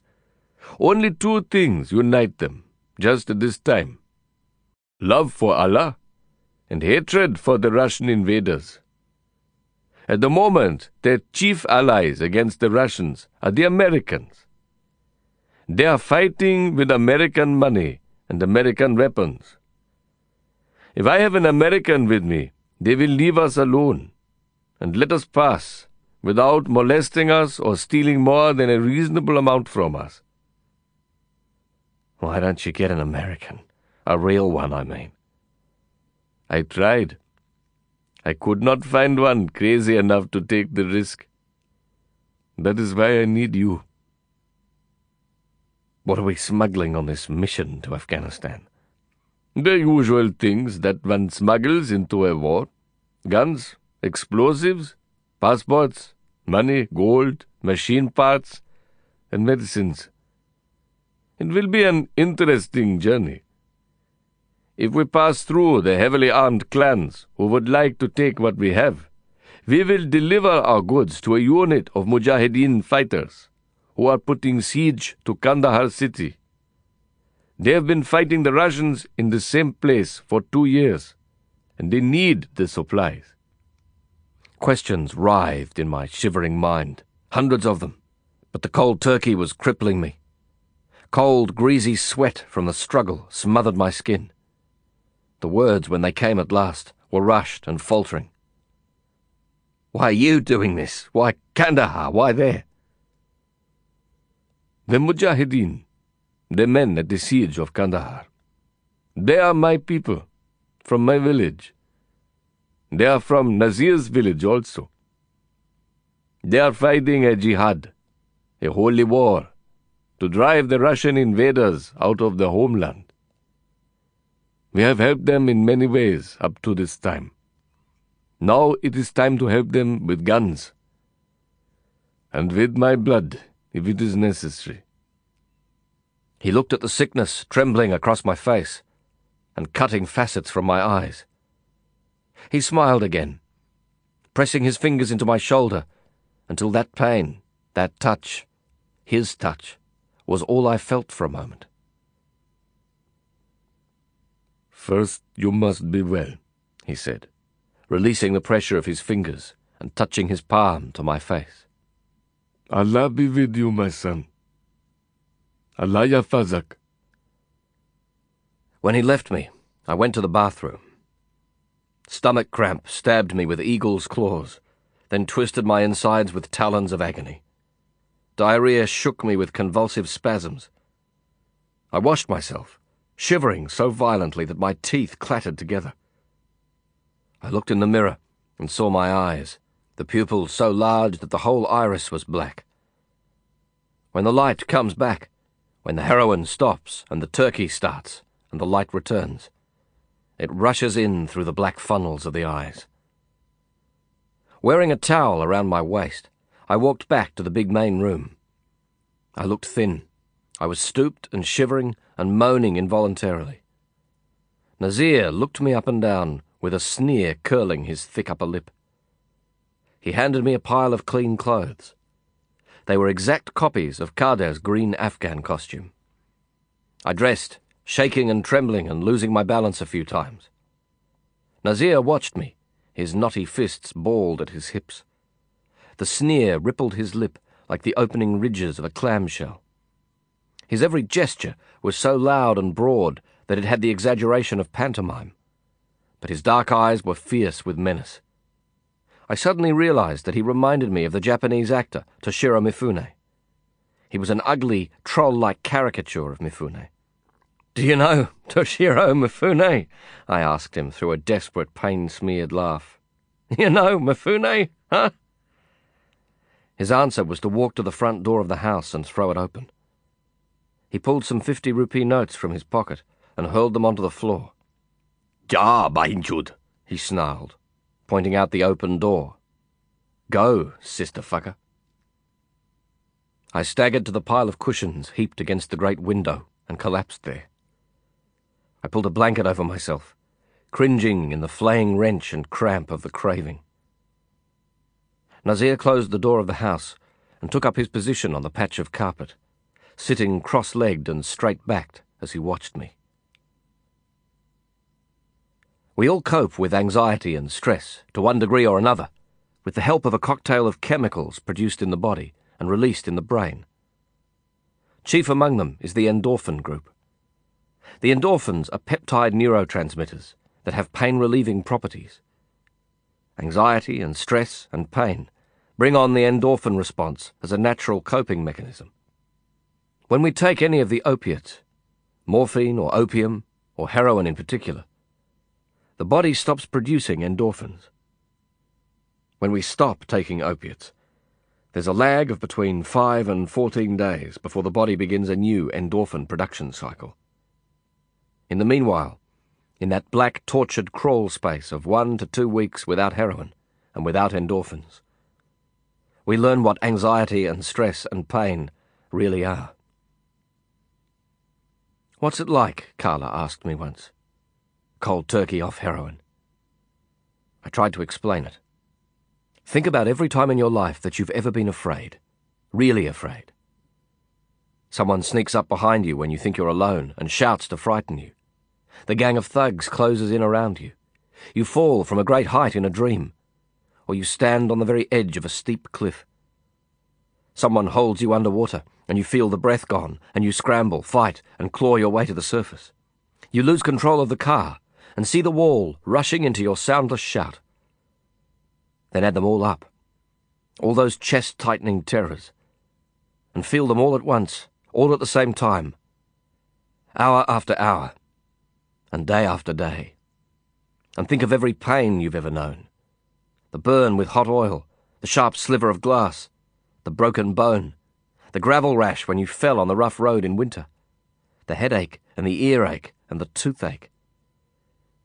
Then add them all up, all those groin squeezing, stomach tensing shrieks of pain, and feel them all at once, hour after hour and day after day. Then think of every anguish you've ever known. Remember the death of a loved one, Remember a lover's rejection. Recall your feelings of failure and shame and unspeakably bitter remorse.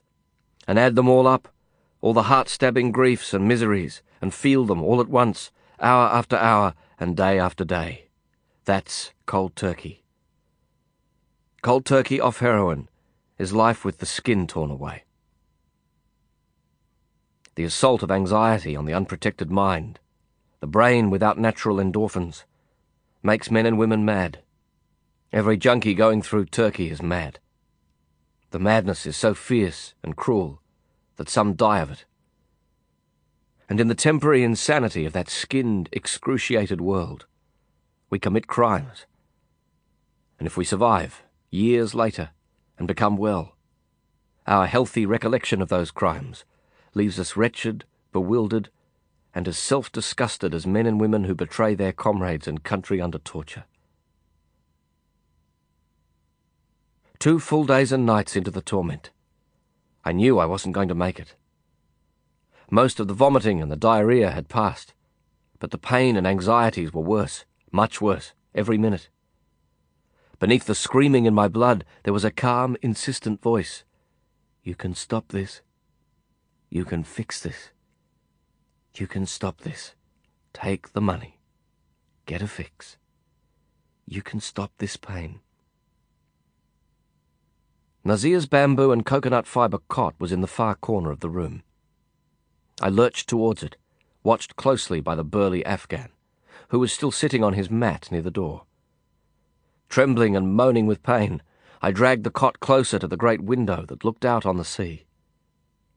I took up a cotton sheet and began to tear at it with my teeth. It gave way in a few places, and I ripped it along the length, tearing off strips of cloth. Frantic in my movements and close to panic, I hurled two thick embroidered quilts onto the rope bed for a mattress and lay down on it. Using two of the strips, I tied my ankles to the bed. With the third strip, I secured my left wrist. Then I lay down and turned my head to look at Nazir. I held out the remaining strip and asked him with my eyes to bind my arm to the bed. It was the first time that we'd ever met one another's eyes in an equally honest stare. He rose from his square of carpet and walked toward me, holding the stare. He took the strip of cloth from my hand and bound my right wrist to the frame of the bed. A shout of trapped, panic fear escaped from my open mouth, and another. I bit down on my tongue, biting through the flesh at the sides until blood ran past my lips. Nazir nodded slowly. He tore another thick strip from the sheet and twirled it into a corkscrew tube. Sliding it between my teeth, he tied the gag behind my head. And I bit down on the devil's tail. And I screamed. And I turned my head to see my own reflection tied to the night in the window. And for a while, I was Modena, waiting and watching and screaming with my eyes. Two days and nights I was tied to the bed. Nazir nursed me with tenderness and constancy. He was always there. Every time I opened my eyes, I felt his rough hand on my brow, wiping the sweat and the tears into my hair. Every time the lightning strike of cramp twisted a leg or arm or my stomach, he was there, massaging warmth into the knot of pain. Every time I whimpered or screamed into the gag, he held my eyes with his, willing me to endure and succeed. He removed the gag when I choked on a trickle of vomit, or my blocked nose let no air pass. But he was a strong man, and he knew that I didn't want my screams to be heard. When I nodded my head, he replaced the gag and tied it fast. And then, when I knew that I was either strong enough to stay or too weak to leave, I nodded to Nazir, blinking my eyes, and he removed the gag for the last time. One by one, he untied the bonds at my wrists and ankles. He brought me a broth made from chicken and barley and tomatoes, unspiced, except for salt. It was the richest and most delicious thing I ever tasted in my life. He fed it to me, spoon by spoon. After an hour, when I finished the little bowl, he smiled at me for the first time. And that smile was like sunlight on sea rocks after summer rain. Cold turkey goes on for about two weeks, but the first five days are the worst. If you can get through the first five days, if you can crawl and drag yourself into that sixth morning without drugs, you know you're clean, and you know you'll make it. Every hour for the next eight to ten days, you feel a little better and a little stronger. The cramps fade, the nausea passes, the fever and chills subside. After a while, the worst of it is simply that you can't sleep. You lie on the bed at night, twisting and writhing in discomfort, and sleep never comes. In those last days and very long nights of the turkey, I became a standing baba. I never sat or lay down, all day and all night, until exhaustion collapsed my legs at last, and I sank into sleep. And it passes. The turkey passes, and you emerge from the cobra bite of heroin addiction, like any survivor from any disaster, dazed, wounded forever and glad to be alive. Nazir took my first sarcastic jokes, twelve days after the turkey began, as the cue for my training to commence. From the sixth day, I'd been walking with him as light exercise, and for the fresh air. The first of those walks had been slow and halting, and I'd returned to the house after fifteen minutes. By the twelfth day, I was walking the length of the beach with him, hoping to tire myself so much that I could sleep. Finally, he took me to the stable where Cardo's horses were kept. The stable was a converted boathouse, one street away from the beach. The horses were trained for beginning riders and carried tourists up and down the beach in the high season. The white gelding and grey mare were large, docile animals. We took them from Cardo's stablemaster and led them down to the flat, hard-packed sand of the beach.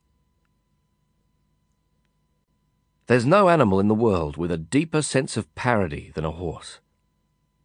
A cat can make you look clumsy, and a dog can make you look stupid, but only a horse can make you look both at the same time. And then, with nothing more than the flick of a tail or a casual stomp on your foot, it lets you know that it did it on purpose.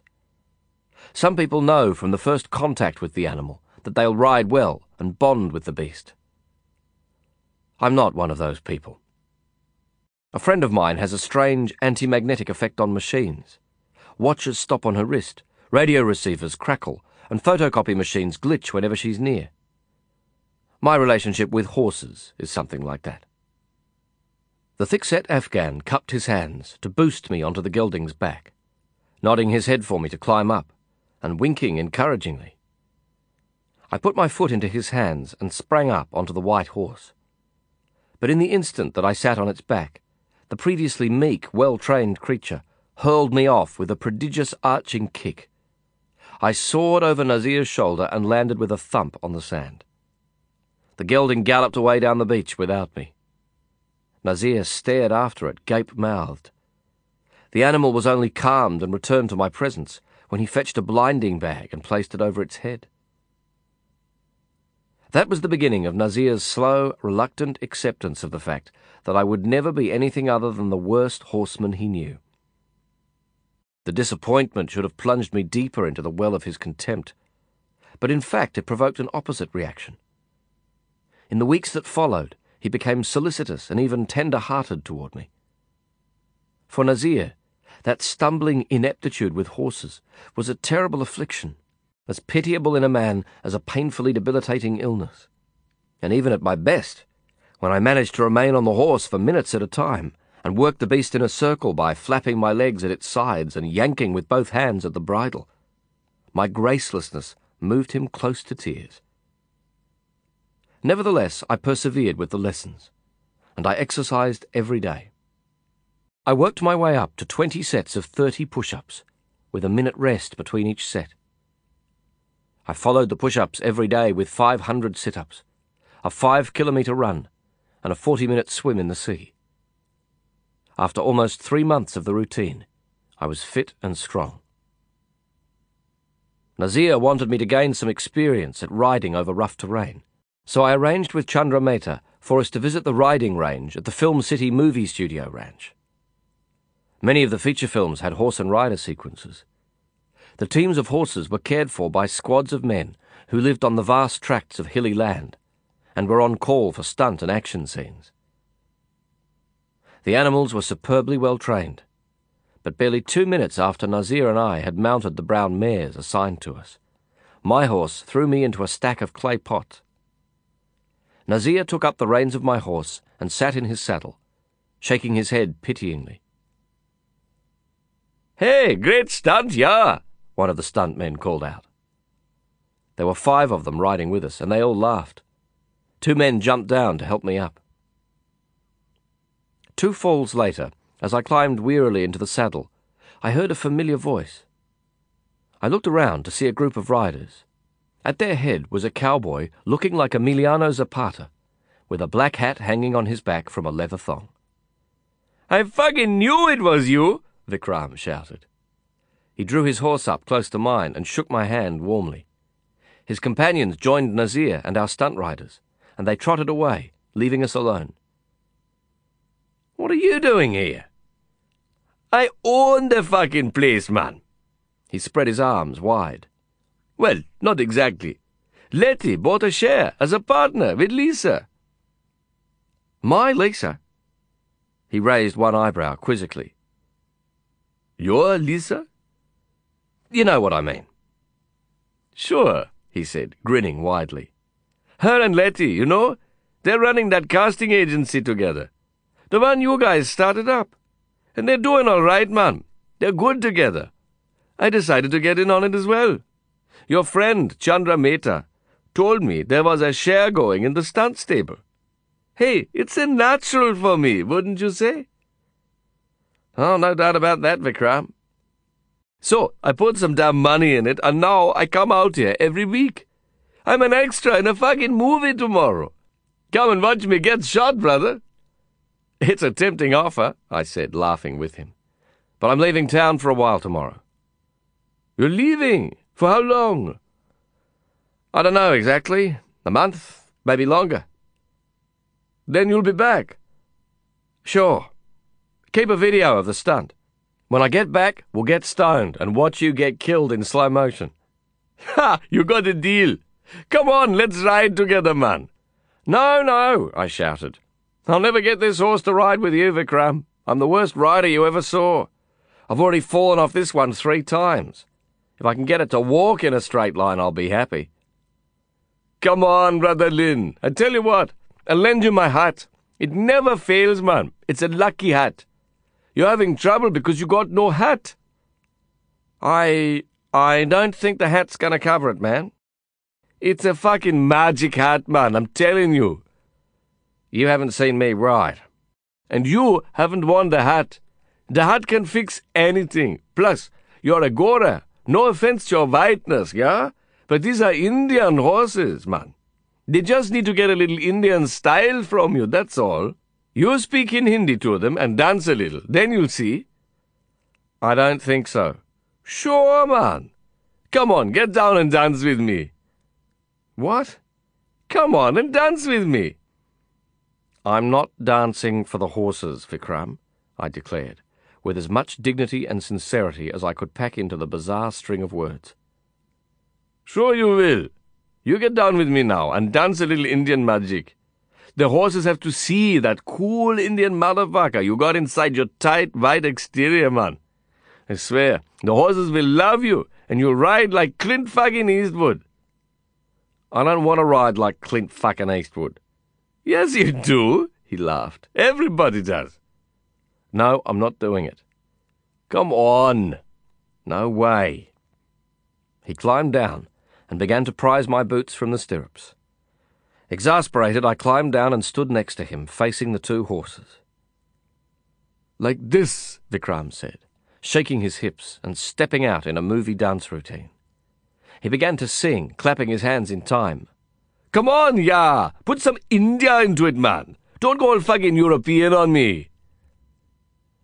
There are three things that no Indian man can resist a beautiful face, a beautiful song, and an invitation to dance. I was Indian enough, in my crazy white way, to dance with Vikram, even if it was simply that I couldn't bear to see him dance alone. Shaking my head and laughing despite myself, I joined in his routine. He guided me through the dance, adding new steps until we had the turns and walks and gestures in perfect time together. The horses watched us with that peculiarly equine mix of white eyed timorousness and snorting condescension. Still, we danced and sang to them in that grassy wilderness of rolling hills, under a blue sky as dry as the smoke from a campfire in the desert. And when the dance was over, Vikram spoke to my horse in Hindi, letting it snuffle at his black hat. He passed the hat to me then, and told me to wear it. I slipped it over my head, and we climbed into the saddles. Damn if it didn't work. The horses cantered off and gently broke into a gallop. For the first and only time in my life, I almost looked like a horseman. I knew the elation for a glorious quarter hour of fearless synergy with the great-hearted animal. Closely following Vikram's lead, I flew at steep inclines and conquered them to plummet over the summit and hurtle downward into curving loops of wind and scattered shrubs. We stretched out over flatter grasslands in effortless, lunging snatches at the ground, and then Nazir joined us with his riders at the gallop. For a little while, for a moment, we were as wild-willed and free as the horses could teach us to be. I was still laughing about it and chattering to Nazir when we climbed the stairs and entered the house on the beach two hours later. I walked my excited smile through the door and saw Karla standing by the long feature wall window and staring out at the sea. Nazir greeted her with gruff fondness. A tiny bright smile rushed from his brow to his chin, trying to hide behind his scowl. He seized a litre bottle of water, a box of matches, and a few sheets of newspaper from the kitchen, and left the house. He's leaving us alone, she said. I know. He'll make a fire down on the beach. He does that sometimes. I walked to her and kissed her. It was a brief kiss, almost shy, but all the love in my heart was in it. When our lips parted, we held one another close, both of us looking at the sea. After a while, we saw Nazir down at the beach, collecting driftwood and dry scraps for a fire. He wedged the balled up newspaper between the twigs and sticks, lit the fire, and sat down beside it, facing the sea. He wasn't cold. There was a warm breeze leaning in on a hot night. He lit the fire to show us, as night rode the waves across the setting sun, that he was still there, on the beach, that we were still alone. I like Nazir, she said, her head against my throat and chest. He's very kind and good-hearted. That was true. I knew that. I'd discovered it at last, the hard way. But how had she come to know it from such a little acquaintance of him? One of the worst of my many failings in those exile years was my blindness to the good in people. I never knew how much goodness there was in a man or a woman until I owed them more than I could repay. People like Karla saw goodness with a glance, while I stared and stared, and too often saw nothing past the scowl or bittering eye. We looked down at the darkening beach, and at Nazir sitting straight-backed beside his little fire. One of my small victories over Nazir, when I was still weak and dependent on his strength, had been with language. I'd learned phrases in his language faster than he'd learned them in mine. My fluency had forced him to communicate with me in Urdu most of the time. When he tried to speak English, the words came out in awkward truncated couplets, top-heavy with meanings and tottering on small feet of blunt sense. I taunted him often about the crudity of his English, exaggerating my confusion and demanding that he repeat himself, that he stumble from one cryptic phrase to another, until he cursed me in Urdu and Pashto and withdrew into silence. Yet in truth his scissored English was always eloquent, and often a cadenced poetry. It was abbreviated, to be sure, but that was because the superfluous had been hacked from it, and what remained was a pure and precise language of his own. Something more than slogans and less than proverbs. Against my will, and unknown to him, I'd begun to repeat some of his phrases. He said to me once, while grooming his grey mare. All horse good, all man not good. For years afterward, whenever I encountered cruelty and treachery and other kinds of selfishness, especially my own, I found myself repeating Nazir's phrase All horse good, all man not good.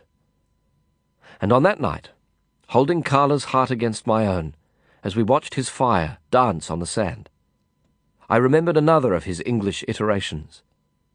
No love is no life, he used to say. No love is no life. I held Karla, as if holding her could heal me, and we didn't make love until night lit the last star in our wide window of sky. Her hands were kisses on my skin. My lips unrolled the curled leaf of her heart. She breathed in murmurs, guiding me, and I spoke rhythm to her, echoing my needs. Heat joined us, and we enclosed ourselves with touch and taste and perfumed sounds. Reflected on the glass, we were silhouettes, transparent images, mine full of fire from the beach, and hers full of stars. And at last, at the end, those clear reflections of ourselves melted, merged, and fused together. It was good. So good. But she never said she loved me. I love you, I whispered, the words moving from my lips to hers. I know you do, she replied, rewarding me and pitying me. I know you do. I don't have to go on this trip, you know. Why are you going? I'm not sure. I feel a sense of loyalty to him, to Khaderbhai, and I still owe him in a way. But it's more than that. It's. Have you ever had the feeling, about anything at all, that your whole life is kind of a prelude or something? Like everything you've ever done has been leading you up to this one point and you knew, somehow, that one day you'd get there. I'm not explaining it well, but I know what you mean, she interrupted quickly. And yes, I have felt like that. I did something once that was my whole life, even the years I haven't lived yet, in one second. What was it? We were talking about you, she corrected me, avoiding my eyes about you not having to go to Afghanistan. Well, I smiled. Like I said, I don't have to go. Then don't, she said flatly, turning her head to look at the night and the sea. Do you want me to stay? I want you to be safe, and I want you to be free. That's not what I meant. I know it's not, she sighed. I felt the small stir of restlessness in her body against mine that said she wanted to move. I didn't move. I'll stay, I said quietly, fighting my heart and knowing it was a mistake. If you tell me you love me. She closed her mouth and pressed her lips together so tightly that they formed a white scar. Slowly, cell by cell, it seemed, her body drew back into itself all that she'd given to me a few moments before. Why are you doing this? she asked. I didn't know why. Maybe it was the cold turkey, what I'd been through in the last months and the new life I felt I'd won. Maybe it was death. Prabaker's death, and Abdullah's, and the death I secretly feared was waiting for me in Afghanistan. Whatever the reason, it was stupid and pointless and even cruel, and I couldn't stop wanting it. If you say that you love me, I said again. I don't, she murmured at last. I tried to stop her with my fingertips on her mouth, but she turned her head to face me, and her voice was clearer and strong. I don't. I can't. I won't. When Nazir returned from the beach, coughing and clearing his voice loudly to announce his arrival, we were already showered and dressed. He smiled, such a rare thing that smile, as he looked from me to her and back again. But the cold sorrow in our eyes drove the downward curves of his face into willow wreaths of disappointment. And he looked away. We watched her leave in a taxi on that long and lonely night before we went to Khader's war. And when Nazir finally met my eyes, he nodded, slowly and solemnly. I held the stare for a few moments, but then it was my turn to look away. I didn't want to face the strange mix of grief and elation I'd seen in his eyes, because I knew what it was telling me.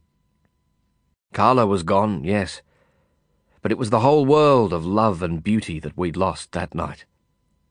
As soldiers in Khader's cause, we had to leave it all behind. And the other world, the once unlimited world of what we might yet be, was shrinking, hour by hour, to a bullet's blood-red full stop. Chapter 31 Nazir woke me before dawn, and we left the house as the first yawning rays of light stretched into the fading night. When we climbed from our taxi at the airport, we saw Khaderbhai and Khaled Ansari near the entrance to the domestic terminal, but we didn't acknowledge them.